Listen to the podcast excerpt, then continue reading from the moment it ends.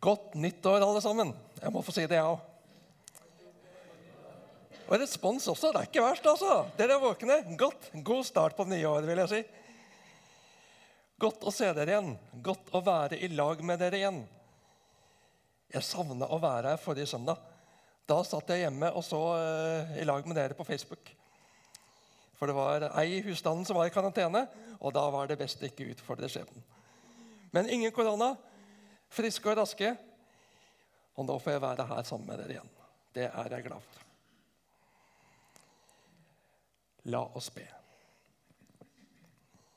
Himmelske Far, takk for at du sendte din sønn til jord for å frelse oss, for å føre oss tilbake til deg.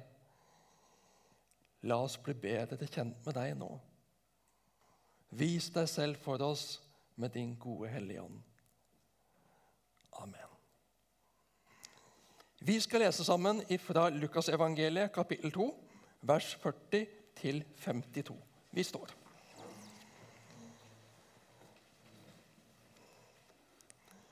Og gutten vokste og ble sterk, fylt av visdom, og Guds nåde var over ham. Hvert år pleide Jesu foreldre å dra til Jerusalem for å feire påske. Da han var blitt tolv år, dro de som vanlig opp til høytiden. Men da høytidsdagene var over og de skulle hjem, ble gutten Jesus igjen i Jerusalem uten at foreldrene visste om det. De trodde han var med i reisefølget og gikk en dagsreise før de begynte å lete etter ham blant slektninger og venner. Da de ikke fant ham, vendte de tilbake til Jerusalem for å lete etter ham der. Først etter tre dager fant de ham i tempelet. Der satt han blant lærerne, lyttet til dem og stilte spørsmål.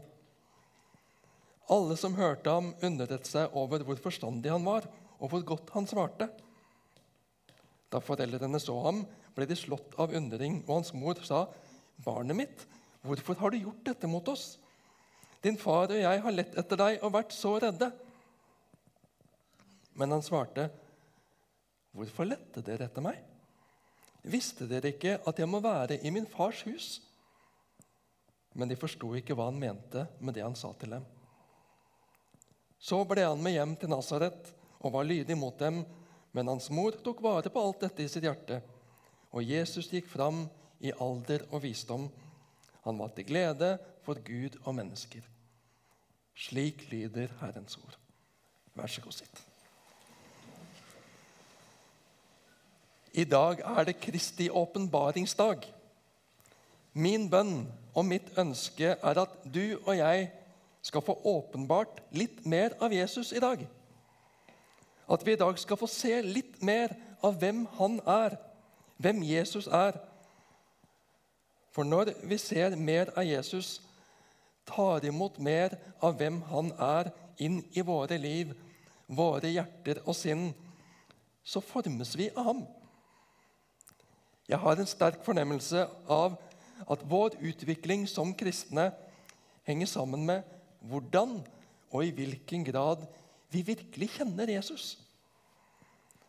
Og da er det farlig å skru av. Da er det farlig å koble av og tenke at ja, men jeg kjenner jo Jesus. Jeg har vært kristen i så mange år. Nei, la oss beholde nysgjerrigheten på Jesus gjennom hele livet. Hvert år, hver dag Jesus, jeg vil komme nærmere deg, så jeg ser deg bedre, så jeg får kjenne deg bedre. Jesus som tolvåring i tempelet er en fantastisk fin fortelling. Den har jeg hørt mange ganger før. Men denne gangen så ble jeg litt forstyrra av og fikk behov for å grave litt mer i innledningen og avslutningen av vårt bibelavsnitt i dag. Innledningsvis så leser vi og gutten vokste og ble sterk, fylt av visdom, og Guds nåde var over ham. Og så mot slutten av dagens avsnitt står det Og Jesus gikk fram i alder og visdom. Han var til glede for Gud og mennesker. Ja, men Jesus er jo Gud. Han er fra evighet og til evighet. Han står bak det hele. Han har skapt det hele. Han kan alt. Samtidig så er Jesus menneske som ikke kan alt, som vokser litt etter litt. Og Jesus vokste før han ble tolv år og besøkte tempelet, og han vokste etter at han ble tolv år. Og Når Lukas tar med at, han, at Jesus var tolv år, så synliggjorde han at ved neste års påskefeiring så ville Jesus bli betraktet som voksen. Da ville han etter jødenes skikk ha blitt en paktens sønn, som den dag i dag markeres med ritualet bar mitzvah, jødenes konfirmasjon. Den som hadde passert 13 år, var pliktig til å gjøre denne reisen til høytiden i Jerusalem. Men som tolvåring var Jesus der sammen med foreldrene sine. Vi har lett for å bale med dette at Jesus er både Gud og menneske. Det er en tanke som er vanskelig for oss å, gå, å få til å gå opp. Det går utover våre kategorier og våre rammer. Ingen andre er både Gud og menneske. Vi sliter med å begripe det. Og det var krevende i Oldkirken også. Derfor ble Kristi åpenbaringsdag viktig på en spesiell måte når Kirken måtte forsvare seg mot, mot gnostikerne. Gnostikerne lærte at Jesus ble adoptert som Guds sønn. I opposisjon mot dette så feiret Oldkirken kvelden før 6. januar til minne om Jesu fødsel, og neste dag til minne om Jesu dåp. For Jesus var begge deler, både sann Gud og sant menneske. Og den nikenske trosbekjennelse, som er et av våre sentrale bekjennelsesskrifter, ble til bl.a. for å presisere at Jesus er både sann Gud og sant menneske. Og Det andre fokuset var å tydeliggjøre treenighetslæren. At vi tror på én Gud, samtidig at Faderen er Gud, Sønnen Jesus Kristus er Gud, og Den hellige ånd er Gud. Og nå skal vi stå sammen igjen alle og bekjenne vår hellige tro. Og i dag gjør vi det ved å bekjenne den nikenske trosbekjennelsen. Og dere skal få den opp på veggen. Jeg kan den i hvert fall ikke utenat, men den Nå får vi bekjenne på en litt annen måte og få litt andre ord på troa vår. Vi bekjenner. Vi tror på én Gud, den allmektige Far som har skapt himmel og jord, alt synlig og usynlig. Vi tror på én Herre, Jesus Kristus, Guds enbårne Sønn, født av Faderen før alle tider, Gud av Gud, lys av lys, sann Gud av sann Gud, født, ikke skapt, av samme vesen som Faderen, ved Han er alt blitt skapt. For oss mennesker og til vår frelse steg Han ned fra himmelen. Og ved Den hellige ånd og av jomfru Maria ble han menneske av kjøtt og blod. Han ble korsfestet for oss under Pontius Pilatus, led og ble begravet, oppsto den tredje dag etter Skriftene og for opp til himmelen. Sitter ved Faderens høyre hånd, skal komme igjen i herlighet for å dømme levende og døde, og hans rike skal være uten ende. Vi tror på Den hellige ånd, som er Herre og gjør levende, som utgår fra Faderen og Sønnen, tilbes og æres sammen med Faderen og Sønnen og som har talt gjennom profetene. Vi tror på en hellig, allmenn og apostolisk kirke. Vi bekjenner en dåp til syndenes forlatelse og venter de dødes oppstandelse og et liv i den kommende verden. Amen. Vær så god, sitt. Jesus er Gud, og Jesus er menneske. Og Vårt bibelavsnitt i dag uttrykker dette på sin måte.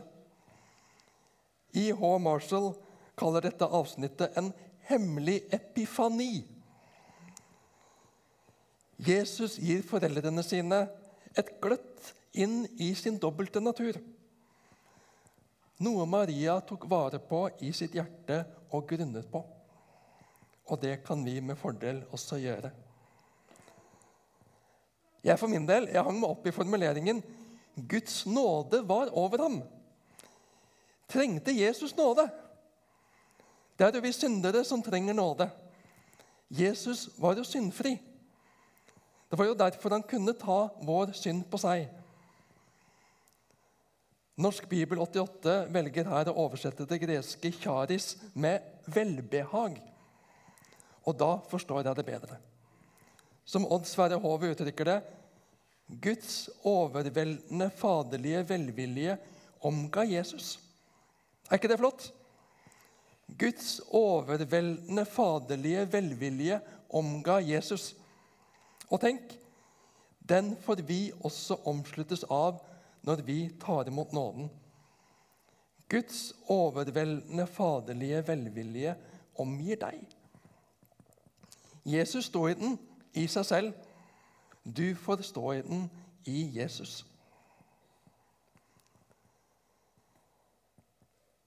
Ferietrafikken den kan være ganske kaotisk her til lands.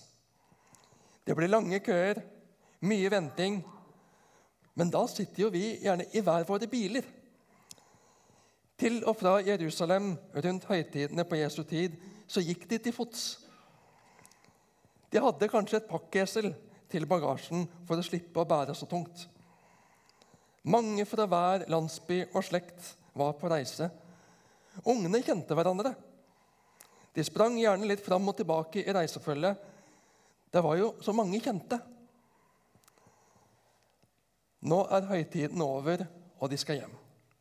Og Josef og Maria regner med at Jesus er med noen kjente et annet sted i reisefølget. Kanskje sov han med en kompis den siste natten før de skulle dra hjemover. Det regnet med at tolvåringen er med kjente et annet sted i reisefølget. Men når det har gått en dag, og de har gått i en dag, og Jesus fortsatt ikke dukker opp, da er uroen påtagelig. De må lete. Framover i følge, bakover i følge, blant slekt og venner. Men Jesus er ikke å finne noe sted. Vi må tilbake til Jerusalem. I tre dager leter de i hovedstaden etter guttungen. 'Jesus, gutten min, hvor er du?' Jeg blir kasta tilbake snaue 16 år i tid når jeg leser dette.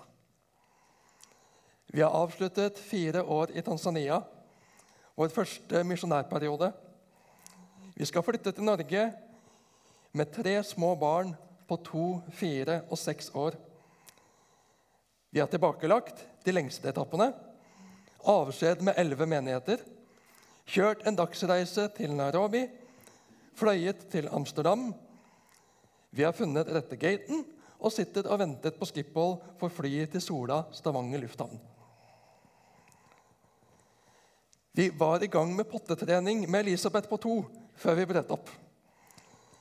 Men det var tryggest med bleie når vi var på reise. Men i og med at vi har tid til det, hadde tid til det, så tar vi henne med inn på do ved gaten. Men det kommer selvfølgelig ingenting. Tilbake på gaten. Vi venter og venter. Sånn er det jo på flyplasser. Guttene sitter og pusler med sitt. Men hvor er Elisabeth? Hun var jo her nettopp. Vi leter rundt oss i området der ved gaten. Jeg går i litt lengre sløyfe mens Siv passer på guttene. Inn på damedoen gikk jeg til og med for å se om hun hadde gått inn der. Så ropes det opp til ombordstigning i flyet. Vi mangler fortsatt toåringen. Vi leter. Desperasjonen stiger. Hvor er hun? Midt i dette mylderet av reisende mennesker. Har noen tatt henne? Har hun kommet imellom folka inn på flyet ved nabogaten? 'Hvor er du, Elisabeth?' Siv går i toalettområdet igjen og leter enda en gang. Og der kommer jentungen fornøyd ut med bleia. Hva blir ganske mye sier. Den følelsen. Foreldrene som endelig finner tolvåringen etter fire-fem dager.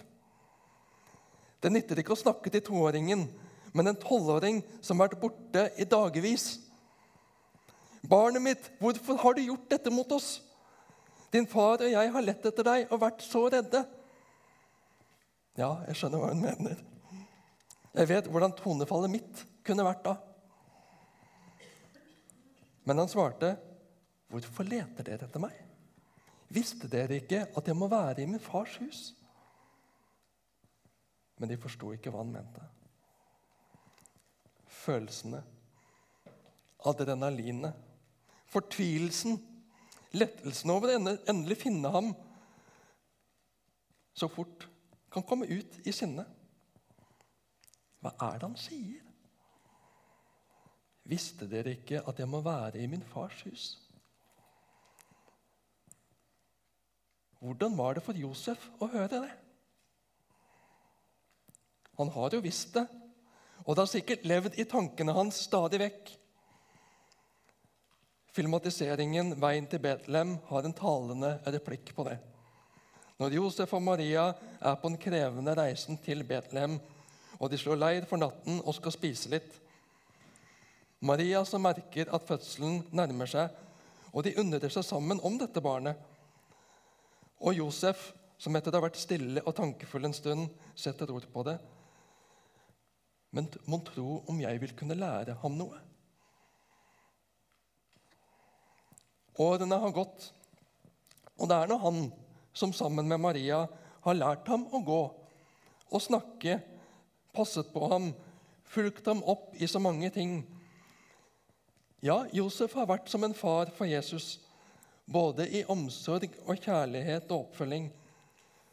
Så nå å få høre det fra Jesu egen munn Visste dere ikke at jeg må være i min fars hus?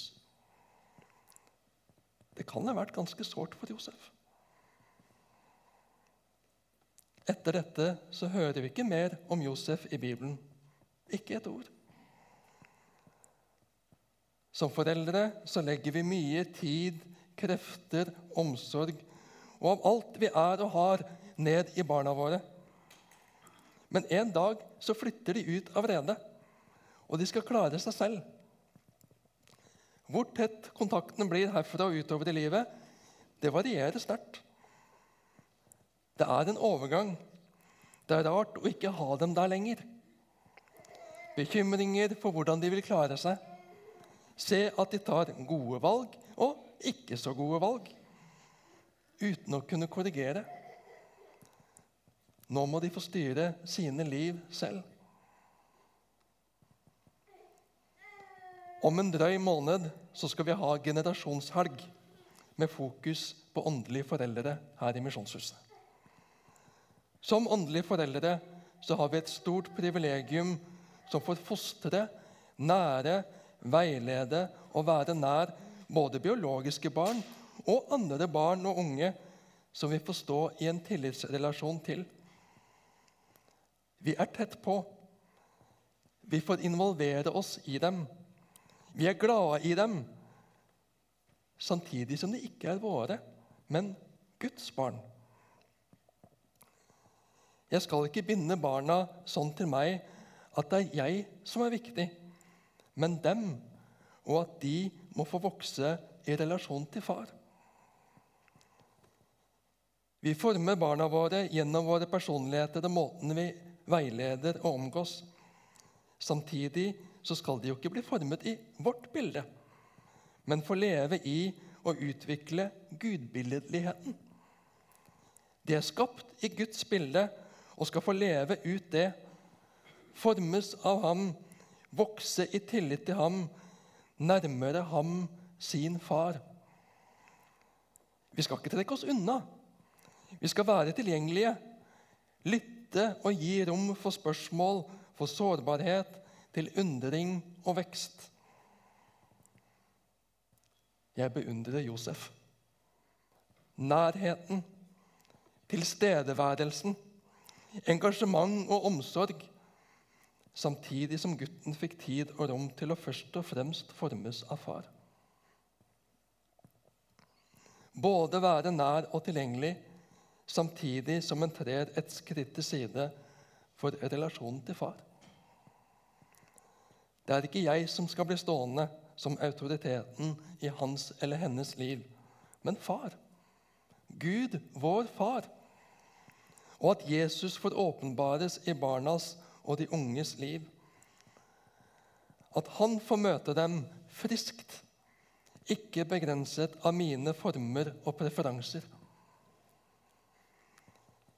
Vi bygger ikke Misjonshuset som et monument etter oss. Vi bygger ikke en forsamling, en menighet, for at det skal gå gjetord om hvor flott det er i Misjonshuset. Vi har ikke arbeid for barn og unge for å bli populære, for at vi skal skinne, men for at de skal bli kjent med far. Vokse i tro og tillit til far. Få oppleve hans nærvær, hans omsorg, hans kjærlighet, hans nåde. At han bærer. Han vil jeg gå med gjennom hele livet.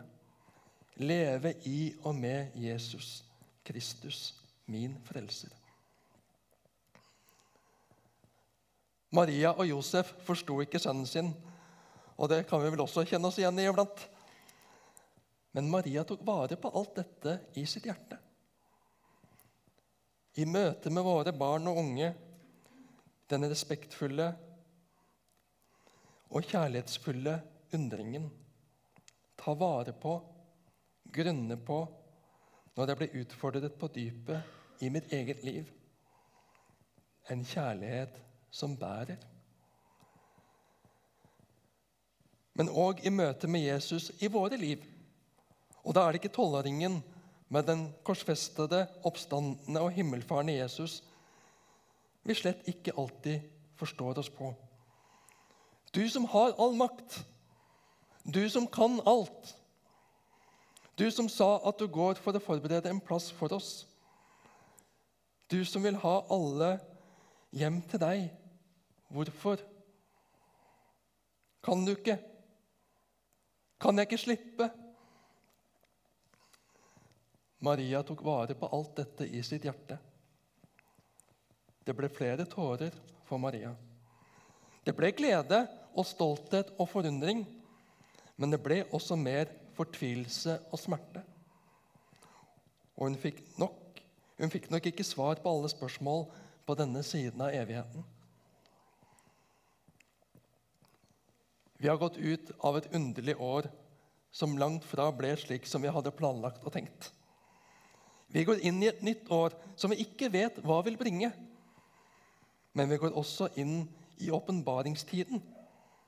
Og den slutter ikke om søndagen om en stund blir kalt noe annet. Åpenbaringstiden varer til vi kommer hjem til Jesus. Han som vet, han som ser og har oversikt. La oss ikke falle for fristelsen å tenke og forholde oss som om vi vet, vi har lært, vi kan det. Men lytte, undre oss, spørre, tenke og gruble og ta vare på de små og store åpenbaringer vi får av Jesus i vårt hjerte. Jesus, jeg er nysgjerrig på deg. Led meg slik du vil, slik du ser jeg trenger det.